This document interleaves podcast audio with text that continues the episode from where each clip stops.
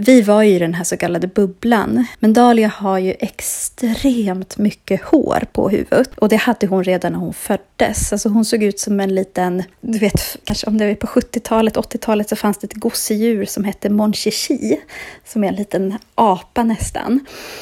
En sån såg hon ut som när hon föddes, för hon var så liten. Hon är ju så otroligt söt också då. ja, men hon är det. Hon ser ut som en liten docka. Hon har ju till och med blivit misstagen för att vara en docka på riktigt när vi har varit ute och gått med henne i vagnen.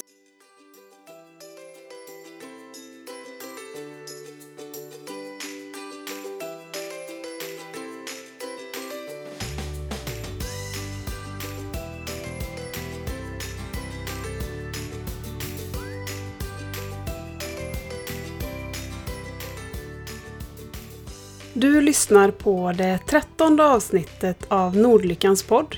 En podd från en funkismammas perspektiv. Och jag som driver den här podden, jag heter Emma och jag är mamma till tre barn. Alve, Vide och Tuva. Och Vide som är fyra år har ett syndrom som heter MAN1B1-CDG. En diagnos som han är ensam om i Sverige. Och i det här avsnittet så har jag med mig minilappar.se och jag blir så glad när det finns företag som vill hjälpa mig att driva den här podden långsiktigt och som tycker att det här med inkludering är viktigt. Och Minilappar.se har namnlappar att märka upp kläder och saker med.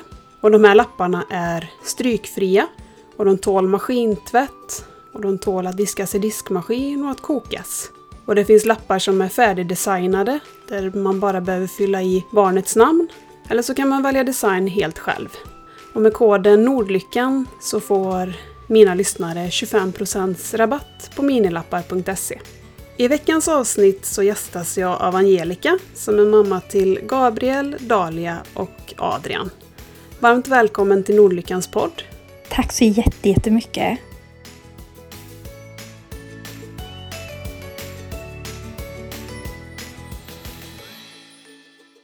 Och berätta, vad är det som gör att jag har frågat om du vill gästa min podd? Jag är som sagt mamma till tre stycken barn, men eh, den som kanske tar mest fokus är Dalia. Dalia föddes för, eh, ja, på tisdag för exakt två år sedan och hon föddes med ett väldigt ovanligt syndrom som heter Cornelia de Langes syndrom. Så att jag eh, dela med mig på Instagram och så av vårt liv tillsammans med henne för att sprida, sprida kunskap och förståelse för att alla är olika. Just det, och vad, vad heter du på Instagram? Där heter jag Angelica E. Strom i ett ord. Och hur var det för er när ni fick det här beskedet att Dahlia har det här syndromet? Alltså, jag hade en helt normal graviditet. Eh, det var ingenting konstigt. Vi var jätteglada över att få en, ett litet syskon till Gabriel. Eh, det var sommaren 2018 och den var otroligt varm. Så att jag var så färdig med den där graviditeten och blev jätteglad när eh, förlossningen satte igång. Och eh, vi var jordens lyckligaste föräldrar. Förlossningen gick eh, som en dans verkligen. Det var en sån här drömförlossning och vi var, du vet det var som på en film när barnet kommer upp på bröstet och eh, vi grät och mådde jättebra. Jag var uppe och kunde gå liksom en kvart efter hon var ute och sådär. Så vi fick flytta upp på BB-avdelningen kort, eller ja, vi var kvar på förlossningen ett litet tag men vi förstod väl ingenting då. Och dagen efter hon är född så kom en läkare in i, på vårt rum och började fråga massa suspekta frågor till oss. De frågade om vi tyckte att Dahlia var lik sin storebror, om vi tyckte att hon såg konstig ut, om vi hade uppmärksammat någonting som var annorlunda hos henne och så. Och vi fattade ju ingenting. Vad håller han på med? Vi var ju liksom redo att åka hem. Och där och då så sa han sen att eh, vi misstänker att er dotter är född med eh, ett syndrom, sa han bara. Och sen kommer inte vi, varken jag eller min man, ihåg så mycket mer från den stunden. Det blev som svart för oss. Och kort därefter så blev Dahlia jättedålig. Hon hade väldigt svårt att andas. Så när hon låg i den här baljan som man har på BB så eh, fick inte hon luft när hon låg på ryggen. Så att vi blev akut körda till Neo och fick stanna där i drygt en månad.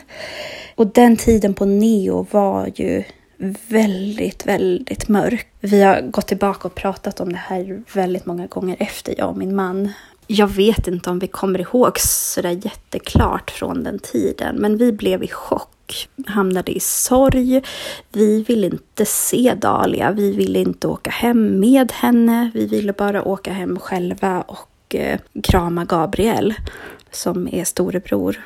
Våra familjer kom dit eh, lite smått och eh, ja, jag vet inte vad jag ska säga mer om den tiden. Det var fruktansvärt jobbigt. Men innan läkaren kom in där på rummet och började ställa de här frågorna, hade ni reagerat själva någonting på hennes utseende? Ingenting. Jag minns att Dahlia, dels så var Dahlia väldigt, väldigt liten. Jag reagerade på när de mätte henne på förlossningen att hon, hon var bara 42 centimeter lång. Och då minns jag att jag sa så här, nej, ni har mätt fel, mät igen. För Gabriel och storebror var ganska stor när han kom. Så att, att hon skulle vara 42 centimeter och hon vägde drygt 2300 gram. Det var ju som en, en chock. Men det var ändå en fullgången graviditet? Ja, jag födde typ i vecka 37 plus 5 tror jag hon är född. Så att allting var liksom helt normalt. Men där och då så tänkte inte jag att det kunde vara något avvikande, att det var därför hon var så liten, utan mer att oj vilken liten bebis vi fick. Och det andra som nu i efterhand så förstår vi att vi borde kanske ha förstått tidigare, men vi var ju i den här så kallade bubblan. Men Dahlia har ju extremt mycket hår på huvudet och det hade hon redan när hon föddes. Alltså hon såg ut som en liten du vet, kanske om det var på 70-talet, 80-talet så fanns det ett gosedjur som hette Monchichi, som är en liten apa nästan. Ja, just det. En sån såg hon ut som när hon föddes, hon var så liten liten. Hon är ju så otroligt söt också då. ja, men hon är. Hon ser ut som en liten docka. Hon har ju till och med blivit misstagen för att vara en docka på riktigt när vi har varit ute och gått med henne i vagnen. Så att vi tänkte väl mer att oj vad mycket hår och vad söt hon var. Och eh, jag minns vi badade henne på BB och fick ju liksom använda riktigt schampo för att vi skulle få bort det här sista fosterfettet och sådär. Men så när läkaren kom in så eh, fattade vi ingenting, vilket jag i efterhand som sagt kan bli lite men förvånad att vi inte såg någonting. För hon har ett, ett väldigt unikt utseende och hon var ju allt annat än lik sin storebror och, och så. Så att nu när man tittar på bilder från den tiden så ser vi ju att hon ser inte ut som ja, nu Adrian till exempel vi har som är fem månader gammal. De är ju helt olika varandra. Men hon var inte dålig på något sätt innan dess, påverkad innan det här samtalet? Nej, utan hon var en nöjd tjej. Hon sov, hon ville inte komma igång liksom med amning och sånt där, utan hon var trött och det sa de var okej. Okay. Och jag vet inte om de sa det för att de förstod att det var någonting som var galet eller om det faktiskt var okej. Okay.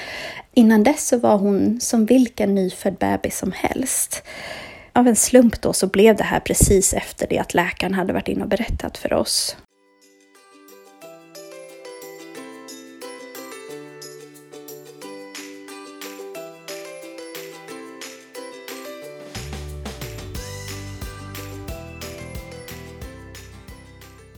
För för oss var det Alltså för oss var det tvärtom att vi fick ju inte reda på vilket syndrom vi hade förrän han var tre och ett halvt år. Och jag har tänkt på det, hur det hade varit om vi hade fått det beskedet kanske redan på BB. Mm. För vi fick ju i omvänd ordning liksom lära känna Vide utan att ha ett namn på varför han var sen. För mm. vi har ju aldrig känt någon sorg egentligen. Jag vet inte. Det är svårt att sätta sig in i det. Det är jättesvårt och jag har ju tänkt precis samma sak. Alltså finns det något bättre och sämre sätt att få det här beskedet på? Hade det varit bättre om vi hade levt i ovisshet mm, länge som, ja, men som ni och som många andra gör? Eller är det kanske bättre att ta det på en gång? Och det är omöjligt att säga för jag har ju bara vår erfarenhet med mig. Men så här i efterhand så är jag nog väldigt tacksam att vi fick veta det tidigt. Och det har ju gjort att vi har ju kunnat eller vi, men vården har ju också kunnat hjälpa Dahlia på rätt sätt från början, för de har vetat vad de ska leta efter. Exempelvis så, ja men det finns ju många vanliga sjukdomar och svårigheter hos barn som har det här syndromet som Dahlia har. Och då kunde de direkt sätta in insatser för att hjälpa henne med till exempel då andning, med... Vi fick reda på att hon är född med gomspalt och då visste vi att då går det inte att amma henne så att då fick vi ju börja sondmata henne på en gång på neo det är ju sånt jag kan tänka, det är jag ju tacksam för då, att vi visste det på en gång. Det har jag ju tänkt ibland att det hade kanske varit enklare om vi hade fötts med ett syndrom som är välkänt, till exempel Downs, där det finns en färdig vårdplan. Svårigheterna är ju liknande men för oss är det ju det är ett tomt blad för läkaren. Det finns ju inget annat barn i Sverige med det syndromet som Vide har. Så man vet ju inte riktigt hur det kan påverka inre organ till exempel. Nej. Vad innebär det här syndromet? Vad vet ni om det? Alltså syndromet är ju väldigt, väldigt brett. Det finns en stor skala över hur, hur pass drabbad man kan vara. Men i Dalias fall i alla fall så innebär det att hon har nedsatt syn och hon har nedsatt hörsel. Hon eh, har jättesvårt med, eh, alltså vid matsituationer, så hon har ju en knapp på magen inopererad. Så all hennes näringsintag är ju via knappen. Hon kan inte dricka någonting, hon kan inte äta någonting via munnen. Dels beror det på att hon inte riktigt kan öppna munnen och sen att hon inte kan svälja maten. Hon har också jättesvårt med refluxer. Hon kräks extremt mycket. I perioder så är det bättre och i perioder är det sämre. Så det medicineras hon emot som väldigt många andra barn med refluxer gör. Sen så har hon ju då en intellektuell funktionsnedsättning. Hon, vi misstänker att hon har autism, men det är ju inget hon är utredd för än för att hon är för ung. Men hon har liksom de typiska dragen för autism. Hon har socialt svårt att Alltså hon har svårt i sociala situationer, söker inte ögonkontakt, vill inte vara nära utan föredrar att sitta själv och leka till exempel. Tycker inte om att ha kläder mot kroppen eller till exempel sina hörapparater har hon väldigt svårt för att, att ha på sig och vi misstänker att det kan hänga ihop då. Hon har ju inget tal än. Hon kan inte förflytta sig själv just nu. Nu ska vi se, här i julas så lärde hon sig sitta sitta. Men sen så tappade hon den förmågan här några månader under våren. Men nu kan hon sitta lite själv igen. Ja, vad är det mer? Är det något jag missar? Med hörselnedsättning och synnedsättning, går det att man veta hur lite hon hör och ser? Har ni någon uppfattning om det?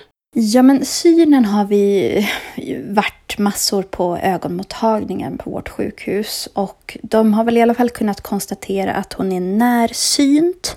Men det har väl skiftat lite grann i hur pass närsynt hon är, liksom på vilken, vilket avstånd ser hon bra på. Men att i alla fall på en meters avstånd så ser hon bra ändå. Så att de har ju velat avvakta med glasögon då hon vi är ju väldigt nära henne hela tiden för att hon inte kan förflytta sig och, och sådär själv. Men med hörseln så har vi, ja, jag skojar inte om vi har gjort säkert 40-50 hörselprover med Dahlia. Men så gjorde vi en operation och under den operationen så genomförde de ett speciellt hörselprov som heter hjärnstamsaudometri. Då skickar de in vågor i, mot hjärn benet. Jag är inte helt säker på hur det fungerar, men på det så fick de i alla fall svar då att hon hörde, ja vad ska jag säga, hyfsat bra. Men att hon får anstränga sig väldigt, väldigt mycket när hon inte har sina hörapparater för att hon ska kunna uppfatta vad som händer. Men just nu så håller vi på att vela lite fram och tillbaka om det så att hon verkligen ska ha hörapparater i alla situationer för att hon hon är så känslig för intryck, både för syn och hörselintryck. Så att hörapparaterna blir nästan mer jobbigt för henne i dagsläget än vad vi tror de ger henne. Det här är en av svårigheterna att ha ett barn som inte kommunicerar, att vi vet inte utan vi måste hela tiden försöka läsa av Dahlia vad vi tror att hon menar och tycker och känner.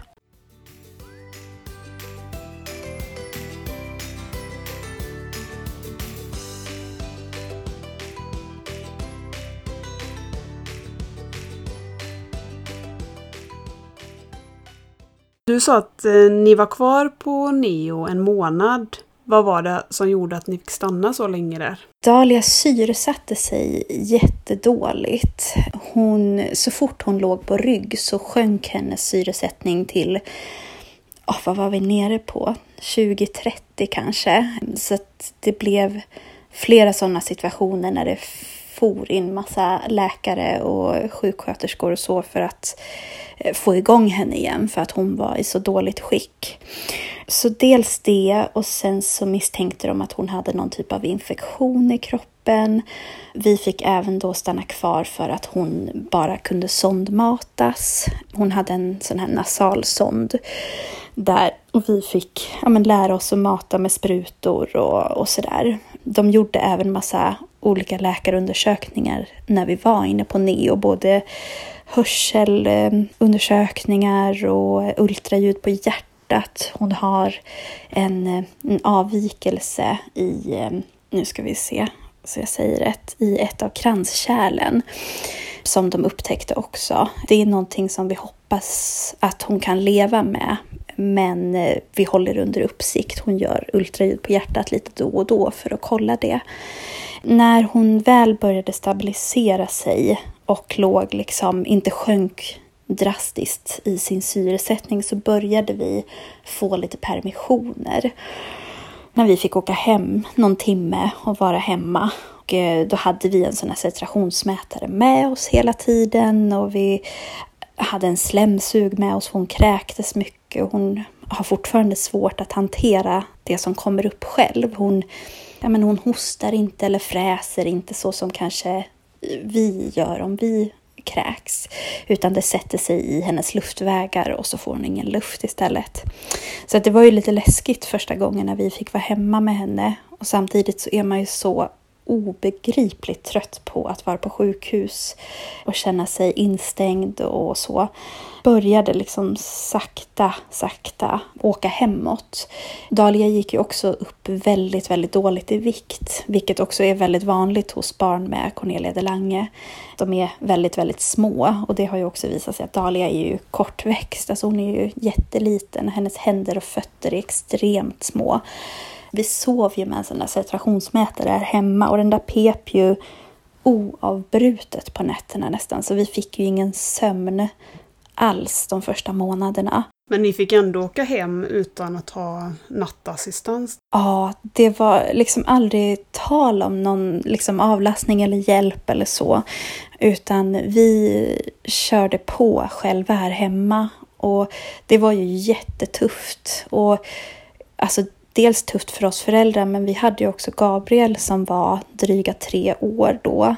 Som å ena sidan var jätteglad och stolt över att han hade fått en liten lilla syster, men å andra sidan var ju jätteorolig för hennes skull. Att han såg ju på henne att du vet, hon hade slangar kopplad till sig och då slangen i näsan för hennes matning. Det, det ser ju säkert väldigt dramatiskt ut när man är barn också det var tufft för oss alla och jag är ju evigt tacksam att vi hade våra familjer så nära här för att vi kunde ju få hjälp och avlastning med dem. Då. Att de kunde ta Gabriel eller de kunde ta kanske Dahlia och gå ut och gå en sväng med i vagnen och ha liksom saturationsmätare och så på. Och det var ju lite räddningen att vi kunde få den hjälpen då. Och hur var ert sinnestillstånd då när ni fick åka hem med henne? Var det fortfarande lika svart då? Ja, det var jättemörkt och alltså jag minns att vi till och med googlade på hur man kunde Alltså det här är så hemskt att säga, men att hur man kunde fejka plötslig spädbarnsdöd utan att det skulle märkas att vi hade gjort något. Och, ja, men du vet, vi satt och tänkte massa, massa mörka saker. Och jag blir så rörd när jag tänker på det nu. Men för oss så tog ju livet lite stopp det blev, eh, vi såg liksom ingen framtid och vi såg att du vet, att vi aldrig skulle kunna göra några saker tillsammans som en familj för att Dahlia kom, skulle alltid komma att behöva så mycket hjälp och stöd och apparater och sånt där så att vi skulle aldrig, ja men till exempel kunna åka utomlands och, och sådär. Vi, allting var bara negativt. Sen så när Dahlia var drygt tre månader så drabbades hon av RS-virus och blev jättedålig och låg i respirator på IVA och så. Det blev vändpunkten för oss. För att hon hade allting emot sig att hon skulle klara den här RS-virusinfektionen. Och när hon låg där inne på IVA och kämpade med slangar och, och grejer och det pep överallt. Då kände jag så här att nu har ju hon valt att komma till oss och hon kämpar för sitt liv. Då ska jag banne mig ägna mitt liv åt att kämpa för henne. Och sen blev hon frisk. Jag vet inte hur länge vi var på IVA. Och så fick vi åka hem och då kände jag verkligen att jag kunde ta till mig Dahlia på ett helt nytt sätt. Och idag så finns det ju liksom inte en tanke på de mörka saker vi kände i början. Dahlia är verkligen den coolaste, bästa ungen jag någonsin har träffat. Ja, jag blir, känner också att jag blir lite rörd och jag tänker också att, att det är det jag hoppas lite med den här podden. Att man ska kunna lyssna och känna att man inte är ensam och höra berättelser som din. Att det kanske känns mörkt men det blir bättre och det är ett fantastiskt liv att leva med ett barn med funktionsnedsättning. Mm. Det blir inte som man har tänkt sig kanske men det blir bra på ett annat sätt. Precis. Det, det kan verkligen bli helt fantastiskt. Och jag är så tacksam att Dahlia kom till just oss. Hon var verkligen mm, så klyschigt men den här pusselbiten som vi behövde i vår familj.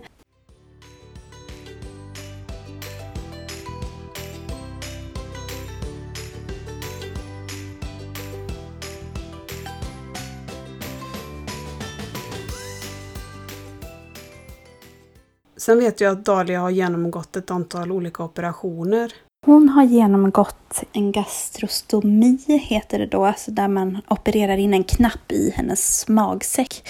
Utanpå syns det bara, hon har en liten plastknapp där idag. Men det är för att hon skulle slippa den här nasala sonden. Jag tror att hon var drygt nio månader när hon fick den. Så att vi höll på med den här nasala sonden i nio månader och höll på att bli knäpp pappa för att hon, dels så drar hon ju ut sonden och dels när hon kräktes och sådär så åkte ju sonden ur och vi var tvungna att sätta ner en ny sond.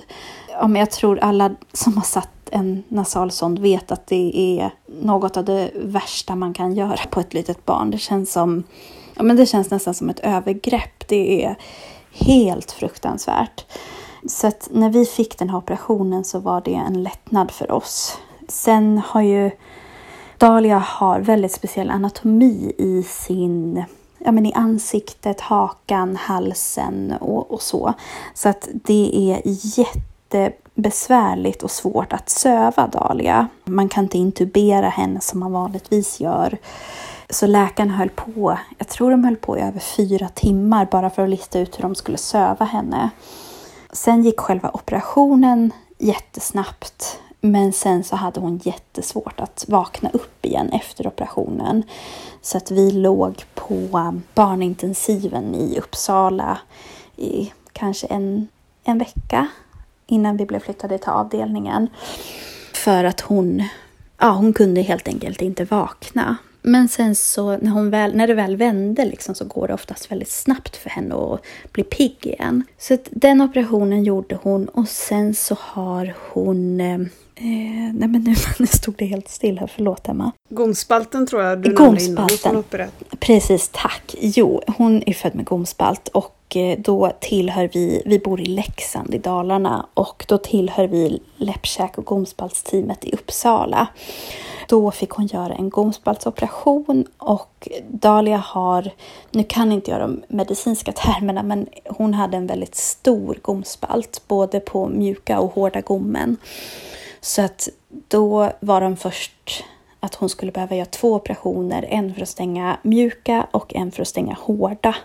Och den mjuka vill de stänga först då, för att där sitter talet brukar man säga. Alltså, när man pratar så drar man ofta upp tungan i gommen. Och för att ge henne bästa förutsättningar för att eventuellt få ett tal i framtiden så ville de ta den först. Men under operationen så lyckades de även stänga den hårda gommen. Men däremot så efter operationen så visade det sig att den mjuka gommen stängdes inte helt och hållet. Så hon har fortfarande ett ganska stort hål i den bakre mjuka gommen. Så hon kommer behöva en till operation minst för att stänga den. Men även efter den operationen så blev hon väldigt, väldigt, väldigt dålig. Ja, men det är så många gånger jag har hunnit tänka att jag kommer behöva åka härifrån utan Dahlia. Och så tänker man att nu blir det bättre och sen blir det mycket, mycket sämre igen och så. Så jag har suttit och gråtit så mycket vid de här sjukhussängarna så att det önskar man ingen annan förälder att behöva utstå. Men och sen så har vi också det låter hemskt nu när jag säger förhoppningsvis, men förhoppningsvis så ska hon få genomgå en, det heter Nissen plastikoperation, där man sluter magmunnen kan man säga, som gör att hon får så himla mycket refluxer. För Dahlias magmun är förslappad så att när hon får sura uppstötningar eller så, så kommer allting upp istället. Det gör det ju inte på oss som har en bra magmun utan då sluter den tätt men det gör inte Dahlias. Så förhoppningsvis så ska hon få genomgå en sån operation också lite längre fram. Men det håller vi på att utreda just nu om hon är en kandidat för det eller inte. Och det här med knapp, hur fungerar den? Alltså gud, nu är vi så vana att leva med den, men vi fäster ju en slang i den här knappen och och eh, koppla slangen till en pump som pumpar in mat i Dalias magsäck. Så att hon behöver inte svälja eller så. Vi har ju ett fast matschema för Dalia så att var fjärde timme får hon mat. Så att hon jag säger, hon behöver ju aldrig säga att hon är hungrig eller så, utan hon får alltid mat på samma tider. Och det är ju jättenoga uträknat då att hon ska få i sig rätt antal kalorier och näringsämnen och sådär. Så att vi har ju en speciell sondnäring som hon får. Det är väl så det fungerar. Sen måste vi byta den här knappen var tredje månad och vi måste kallas för att man kuffar om knappen, alltså att man fyller på insidan av hennes mage så sitter en ballong som är fylld med vatten som gör att knappen sitter fast i henne. Och då måste man byta det här vattnet på knappen varannan vecka och så. Så det gör vi ju själva här hemma. Och det var väl något som var jätteobehagligt i början, men nu går det också bra. Och är det bara sondnäring hon får i den eller får hon riktig mat också? Lagad mat? Just nu får hon bara sån näring, men vi håller på att eh, ska börja testa med riktig mat som vi mixar och blandar upp med den här näringen lite. För att magen ska få lära känna riktig mat och och även att hon ska få känna lite smak. Alltså det kan ju ske då genom att hon rapar till exempel så får man upp smak i munnen. Låter ju inte så jättefräscht men eh, vi håller på att testa det och vi håller även på att testa hela tiden att prova ge henne mat i munnen. Men hon är inte så pigg på det utan tar väldigt gärna tag i skeden och kastar bort den. Så att hon är ju på så vis väldigt medveten ändå. Det var någon läkare som sa till oss tidigt att sondmatade barn blir ofta ganska bekväma barn och det stämmer väldigt väl på Dahlia. Hon är vår lilla primadonna. Hon är van att få allting serverat, på gott och på ont såklart. Vi får se hur lång tid det tar innan hon fattar att man kan äta med munnen också. Jag tänker också att barn med funktionsnedsättning blir ju servade. Vi kallar honom för kungen här ibland på skoj för att det är ju efter hans villkor hela tiden. Mm. Jo men så är det ju. Men hur är det för henne att få in mat i munnen? Sätter hon det i halsen? Just nu så spottar hon bara ut allting. Jag tror inte hon vet hur hon ska hantera det, vad hon ska göra med det. Råkar hon kanske då av misstag få ner någonting i halsen så kräks hon oftast upp det eller får upp det genom att hosta och kvälja och sådär. Och det är ju jättemånga barn med Cornelia de Lange syndrom har ju svårt att äta och just sväljfunktionen som är svår. Så att jättemånga av de här personerna de matas via en knapp på magen och det kan de göra upp alltså långt i vuxen ålder också. Så att men vi har ju någonstans en förhoppning och en tro om att en dag så ska hon börja äta mat med munnen också tänker också lite på det här med livskvaliteten. Inte kanske så mycket att energibehovet ska komma via munnen men vi tycker ju att det är livskvalitet att äta goda saker. Och mm. det vill man ju såklart att hon ska få uppleva också. Ja men precis. Och det enda hon har ätit via munnen och det blev vi så himla förvånade över. Vi, det var här i början på sommaren så hade vi en eh, en studentmottagning här hemma. Och eh, då fick hon en godisklubba. Och det var en slump, för det var storebror då som hade en godisklubba och la den på bordet där vi satt. Varpå Dahlia fick tag i den här klubban och började suga på den. Det var så himla häftigt för hon släppte inte den här klubban. Och hon råkade tappa den en gång och blev jätte jättearg över att hon tappade den. Så att, men så fort vi gav tillbaka den så blev hon nöjd igen. Så hon satt och sög på den här klubban hela kvällen. Och det, ja men vi stod och grät och, och grejer för för oss var det så himla stort. Men sen efter, vi har provat att ge henne fler godisklubbor för vi sa det att är det det som ska krävas för att hon ska äta med munnen så ska hon få alla klubbor i hela världen. Men eh, hon har inte velat ha klubba efter det, så jag vet inte om det var en engångsföreteelse. Men som du säger, så man vill ju att de ska kunna få uppleva alla fantastiska smaker och konsistenser och sådär som finns.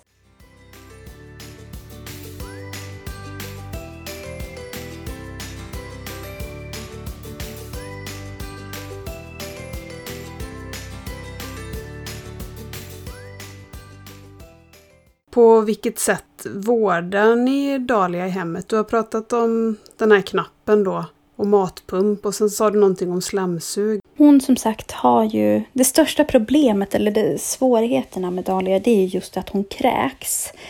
Så att hon eh, kan ju från ingenstans börja kräkas mycket. Och speciellt kanske om hon har tänder på gång, om det är väldigt varmt ute, om hon eh, ligger ner på rygg så är hon känsligare. Det här kräket sätter ju sig som nämnde tidigare för hennes luftvägar så hon inte får luft och då behöver vi hjälpa henne med slemsug för det är flera, flera gånger här hemma som hon har blivit medvetslös för att hon inte har fått luft då när hon har kräkts.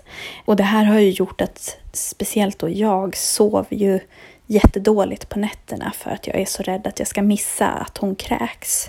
Men annars så handlar det väl om alltså, träning för Dahlia som man kanske inte behöver göra med ett barn utan någon funktionsnedsättning. Man måste hela tiden ligga steget före. Dahlia kommer inte lära sig att gå av sig själv utan det kräver hundratals timmar med träning. Och vi har ju massa hjälpmedel och så här hemma som vi använder dagligen för att hon ska ja, men lära sig att belasta skelettet och höfterna till exempel för att hon ska lära sig att stå en dag och, och sådana saker. Men annars just vårda skulle jag nog inte säga. Och vilka hjälpmedel är det som Dahlia har? Vi använder oss av ett ståskal som hon har.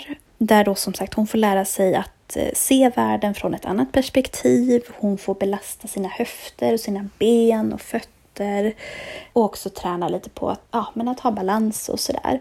Det använder vi mycket. Sen har hon fått en gåstol som heter Mustang, en sån som nästan, eller inte alla ska jag säga, men många barn som utvecklas lite långsammare har. Den tycker hon om från dag till dag. Det kan variera mycket på humör för en Dahlia. Kan hon förflytta sig självständigt idag?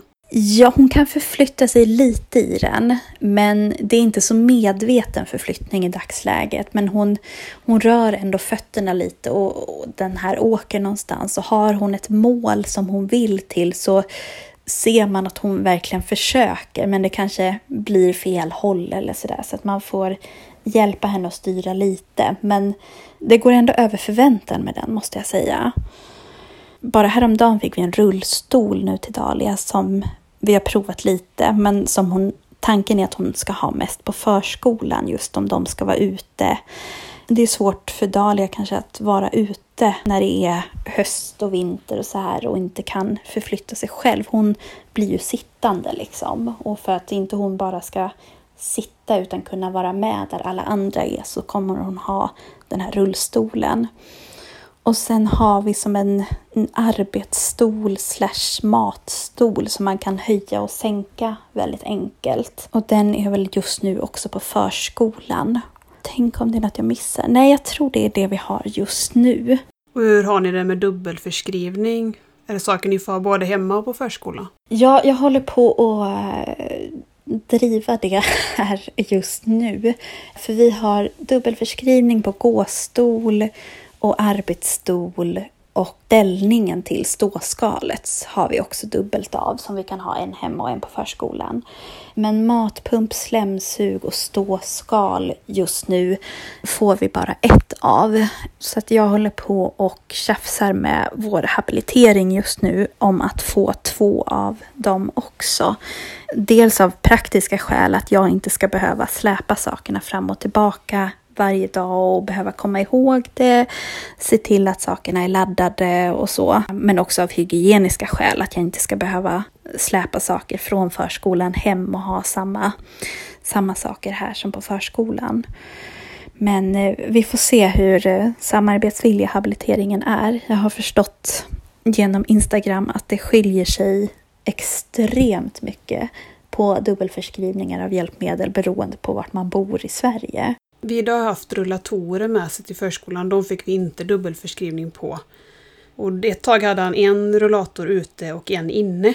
Mm. Men då lämnade vi faktiskt oftast uterullen hela tiden på förskolan just därför att han kunde inte gå själv och så skulle man ha med sig honom och syskonen och ja, det, man kände sig som en packåsna. Så vi lämnade faktiskt den där på veckan och så tog vi bara hem rullen på helgen. Mm. Så man får försöka hitta sina sätt för att göra det lite lättare för sig. Men vi har ju aldrig haft så mycket hjälpmedel på det sättet. Nej, för vad har vi det för någonting idag? Idag har han hjälpmedel på toastolen då för att sitta bra och sen har han en rullstol som han kan köra själv. Mm. Han har ju ett stadigt eget sittande så han kan ju sitta på en vanlig stol. Så det är egentligen i förflyttning han behöver hjälpmedel eftersom han bara går kortare sträckor. Mm. Men och han är ju så fantastiskt duktig att köra rullstolen själv. Det är så häftigt att se honom. Men han får inte ha med sig rullstolen till förskolan och det är ju för att vi vill ju såklart att han helst ska gå. Men där har han ju också en resurs som är med honom hela tiden och de har en större möjlighet att pusha honom. Vi har ju alltid syskonen med oss också som man också måste ta hänsyn till. Mm. Det ska ju fungera för hela familjen. Ja men precis. Det upplever jag att vården kanske glömmer bort ibland. Att man är en hel familj som ska funka. Både praktiskt och känslomässigt. Att syskonen ska få ta tid om också och inte bara att det ska bli fokus på Dahlia i vårt fall.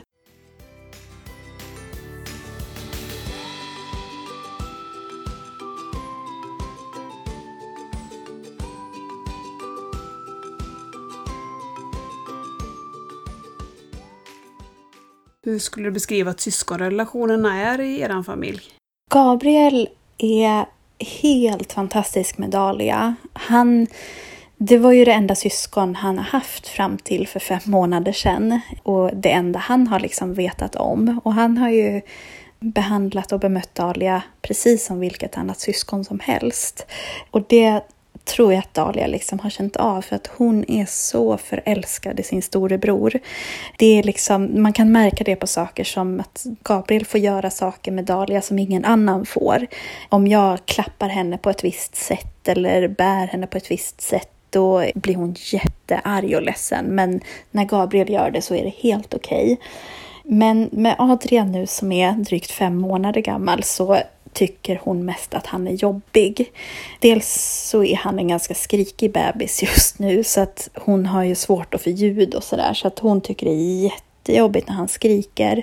Sen tycker jag mig se att att hon blir lite svartsjuk på Adrian. För att han också tar tid som små spädbarn gör.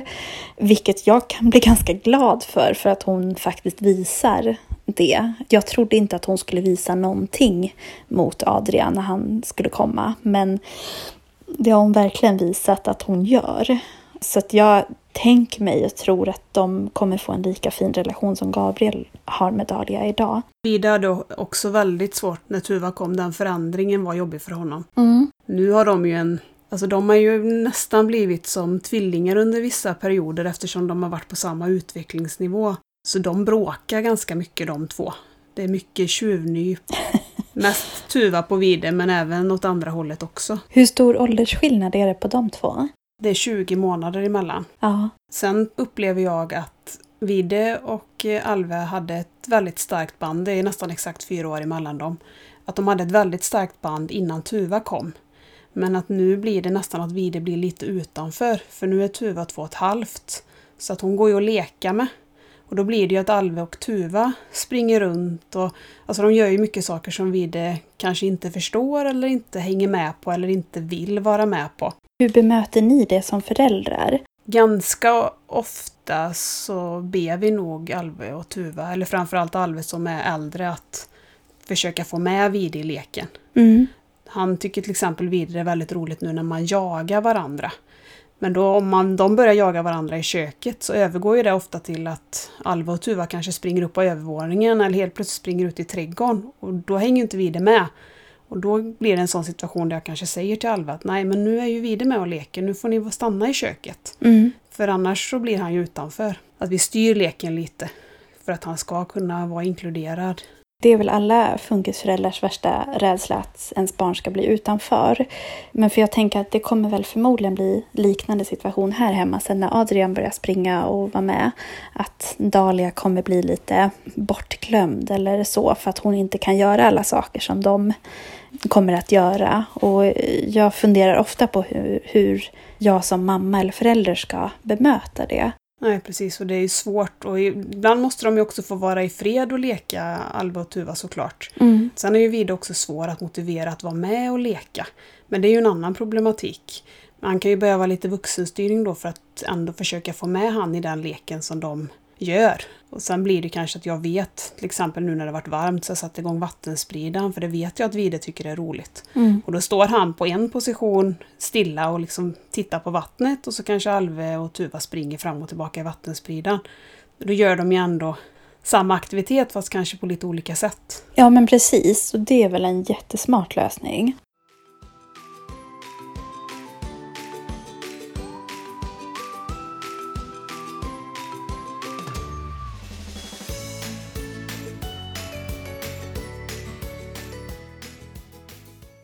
Gick funderingarna kring att skaffa ett småsyskon till Dahlia? Ja, det kan, man, det kan man undra. Vi har väl, alltså, du vet när man sitter och drömmer om hur ens liv ska se ut så har vi väl kanske hoppats att vi ska kunna få tre barn. Men när Dahlia kom så blev ju det helt otänkbart och vi kände oss Alltså det var ju så övermäktigt att ha två barn då. Dels att alla som har fler än ett barn vet ju att det är mycket jobb med två barn. Och har man dessutom då ett av barnen som kräver jättemycket extra tid och energi av oss föräldrar så att skaffa ett syskon till var ju helt otänkbart. Sen så bara blev det så att eh, Adrian flyttade in i min mage och vi blev försatta i chock igen tror jag. Men kände väl båda två, vi tänkte ju på alla möjliga scenarier. Men vi kände väl både jag och min man att alltså, göra en abort kändes så himla otänkbart. Men däremot så var vi ju naturligtvis jätteoroliga för att fostret i magen skulle ha samma syndrom som Dahlia hade. Så att vi ringde till Dahlias läkare och han i sin tur fixade en akuttid på klinisk genetik i Uppsala. Något vi skulle egentligen åka på oavsett om vi skulle skaffa syskon eller inte. Men hade inte fått någon eh, säger man, inbjudan eller kallelse till det än. Så att vi fick en akuttid dit för att få liksom höra mer om rent genetiskt varför Dalia har fötts med det här syndromet. Vad är det som har hänt? Är det någonting som vi föräldrar bär anlag på och sådär. Och så vi fick ta blodprover och han förklarade vad, vad som har hänt i Dalias fall. Och eh, efter ett tag så fick vi även reda på att det Dahlias syndrom beror på en genetisk nymutation. Alltså att det, det är ingenting som jag eller min man bär på utan det är bara slumpen som har gjort att hon har fått den här äh, genetiska avvikelsen. Han berättade då att det man kan göra för att se om fostret bär på samma genetiska avvikelse var ett moderkaksprov. Och det medför ju en liten, liten risk då för missfall, men vi kände att det var värt det för oss. Dels för att det var inte planerat någonting, men också att vår oro åt upp oss. Och det här moderkaksprovet kom tillbaka och visade att fostret inte hade Cornelia de Lange, men däremot hade man hittat en annan eventuell kromosomavvikelse. Så att de ville att vi skulle gå vidare med ett fostervattenprov om det var så att vi ville veta mer, vilket vi gjorde. Så att vi har gjort både moderkaksprov och fostervattenprov med Adrian. Men det visade sig att det bara hade varit någon typ av smuts på moderkakan, vilket det kan vara ibland. Så att det hade visat det som att det kunde vara en kromosomavvikelse. Men så att vi fullbordade graviditeten och jag är så otroligt tacksam för det idag. Och jag, eh, alltså idag så hade det hade inte spelat någon roll om Adrian också hade haft någon typ av avvikelse. För känslomässigt så, alltså som Dahlia är ju världens bästa barn. Jag skulle kunna ha hundra stycken barn som Dahlia. Bara jag fick slippa alla sjukhusbesök, all oro, allt krigande som det är för, för Dalias rättigheter. Och det var jag kanske inte riktigt beredd på innan jag, eller när vi fick Dahlia, att det är så mycket att man behöver slåss för hennes sak.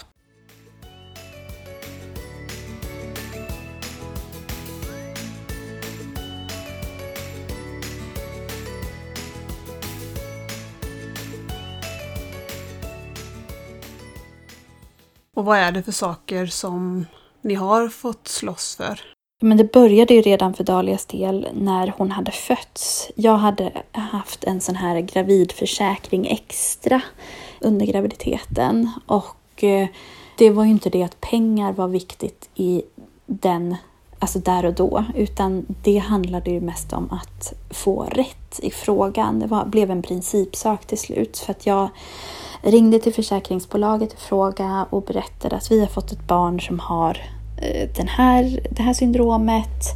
Eh, kan vi få första hjälpen ersättning för det då vi har den här försäkringen?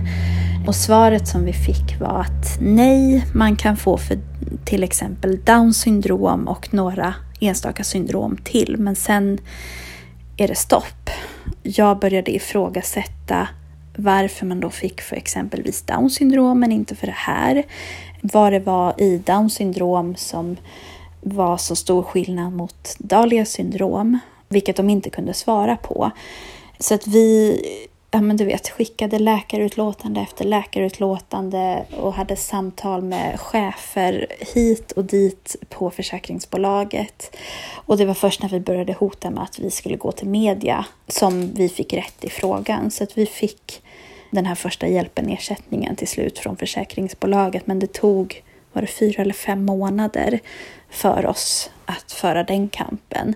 Sen har det varit, nästa kamp blev Försäkringskassan. Jag vårdade ju Dahlia de första, om det var åtta eller nio månaderna här i hemmet och eh, då kan man ansöka om något som heter vård av allvarligt sjukt barn hos Försäkringskassan så man inte tar ut föräldradagar utan man får då ersättning för, för det. Och då började Försäkringskassan bråka om att Dahlia inte var så pass allvarligt sjukt att det var fråga om liv eller död.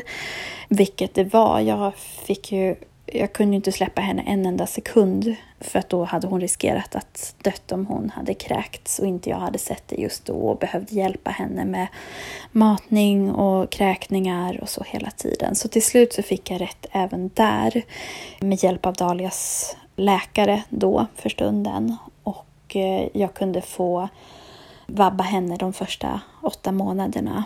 Och det har ju också gjort att jag har kunnat vara hemma med henne så pass länge som jag har varit nu också. Sen har det varit med kommunen där vi bor. Kommunen har inte velat betala resursstöd till hennes förskola där vi vill att hon skulle gå. Vi vill att hon skulle gå på samma förskola som Gabriel gör, vilket är en privat förskola också. Men det tyckte inte kommunen utan de tyckte att hon skulle gå på en kommunal förskola för då kunde hon få mer resursstöd. Vilket enligt lag är helt befängt, det får man inte göra.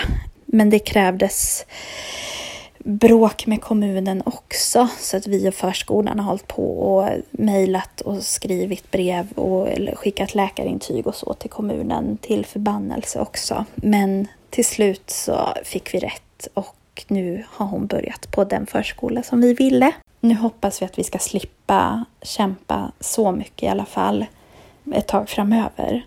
För den här politiken kring resurs har vi också råkat ut för. Vi har varit på möte med förskolechefen och eh, då förklarar hon att de blir tilldelade ett visst antal timmar. Det är bara det att Vide behöver ju ha full övervakning hela tiden när han är på förskolan. Han kan ju aldrig lämnas själv. Även om kommunen säger att ni får bara 15 timmars resurs, ja, okej, okay, men han kommer vara 25 timmar. Så det är väldigt mycket politik i det här och det handlar ju såklart om pengar. Allt handlar ju om pengar. Och det gör ju det och det är väl det man blir så arg över att de inte ser till våra individer utan bara räknar sina pengar. Och man kan ju undra vad, vad det kostar om Dahlia och Vid då kanske inte hade fått sina resurstimmar som de faktiskt har rätt till. Alltså sjukskrivna föräldrar för man inte orkar eller förskolepersonal som kanske inte orkar eller andra barn då som inte får uppmärksamhet och, och stöd och hjälp som de behöver för att Dahlia då i, i mitt fall tar upp så mycket tid från andra barn. Så att jag blir så ledsen för Dalias skull att det ska behöva vara så här. Men nu har hon resurs alltid som hon är på förskolan? Precis, nu har hon, hon har fått beviljat utökad tid. I och med att jag är hemma och föräldraledig med Adrian så har ju hon rätt till 15 timmars eh, förskola per vecka här. Men nu har hon blivit beviljad 25 timmar. Varje timme hon är på förskolan så har hon en person som är med henne hela tiden och är hennes armar och ben och röst. Och det känns så himla stort och fantastiskt. Vilka anpassningar har förskolan gjort för Dahlia? Är det någonting speciellt? Förskola, men dels så har de ju då fått anställa den här personen som, som Dalia har som hjälp.